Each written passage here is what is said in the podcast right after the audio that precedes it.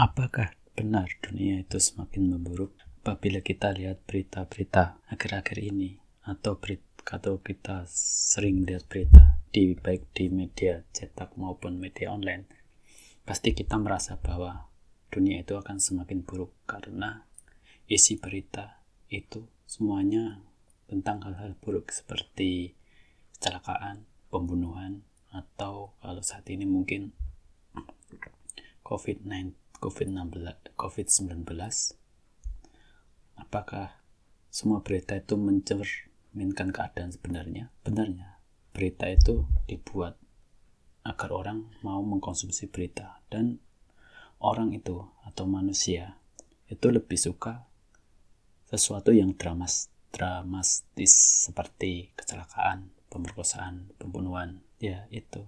Karena hanya untuk tujuan uang, media-media berita seperti TV atau media online atau surat kabar itu yang diberitakan yang buruk-buruk.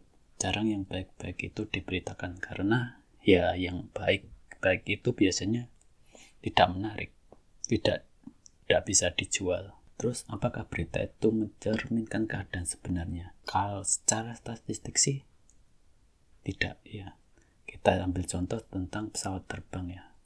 Pesawat terbang itu kalau sekali ada kecelakaan, pasti kan diberitakan selama berminggu-minggu, bahkan berbulan-bulan, diulang-ulang terus, sehingga menyebabkan dalam otak manusia itu bahwa pesawat terbang, naik pesawat terbang itu resiko, resikonya tinggi. Orang lebih takut naik pesawat dikarenakan itu, karena berita ter yang disajikan terus-menerus itu dibanding kalau naik kendaraan sendiri. Padahal secara statistik manusia itu lebih lebih berisiko mati di, di jalan daripada naik pesawat terbang. Perbaikan hidup itu kecil dan seringnya diabaikan. Diabaikan seperti kemiskinan itu ya emang kemiskinan itu masih ada, tapi kan setiap tahun setiap tahun membaik. Kalau kita lihat, kita lihat mungkin 50 tahun yang lalu, penyakit manusia itu kan kebanyakan kelaparan atau penyakit kulit. Tapi kalau zaman sekarang kebalikannya. Kebanyakan manusia mati itu karena penyakit-penyakit yang disebabkan oleh kelebihan makanan seperti diabetes, kanker, atau yang lain atau yang lain-lain. Efek kalau kita sering mengkonsumsi berita itu sangat mengganggu mood atau secara psikologis membuat kita selalu berpikiran negatif sehingga kita mudah stres. Dan berita itu sebenarnya tidak secara langsung berefek terhadap kehidupan terhadap kehidupan kita sehari-hari. Dan juga berita itu kebanyakan yang di luar kontrol kita.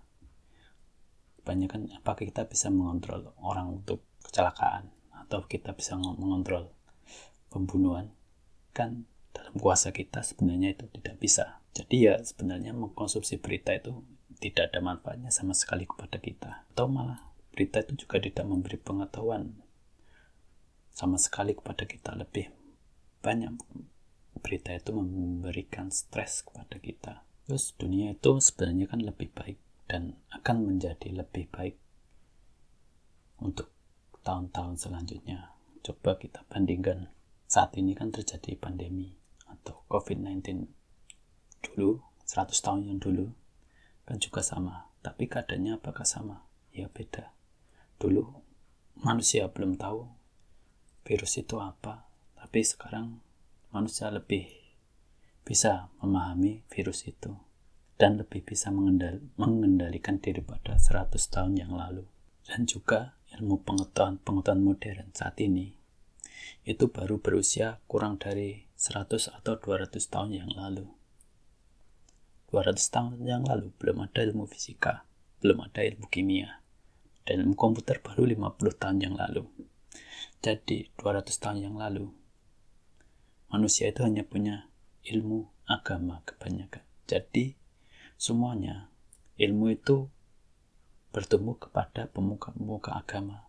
Sehingga yang yang kalau zaman dahulu pemuka agama itu dijadikan semua bisa untuk mengobati penyakit, meramal masa depan, atau menjelaskan keadaan-keadaan fisik, keadaan alam, itu semua dijelaskan oleh pemuka agama. Karena zaman dahulu, 200 tahun yang lalu, belum ditemukan ilmu fisika atau kimia atau yang lain belum ditemukan. Tapi zaman sekarang, ilmu semakin berkembang.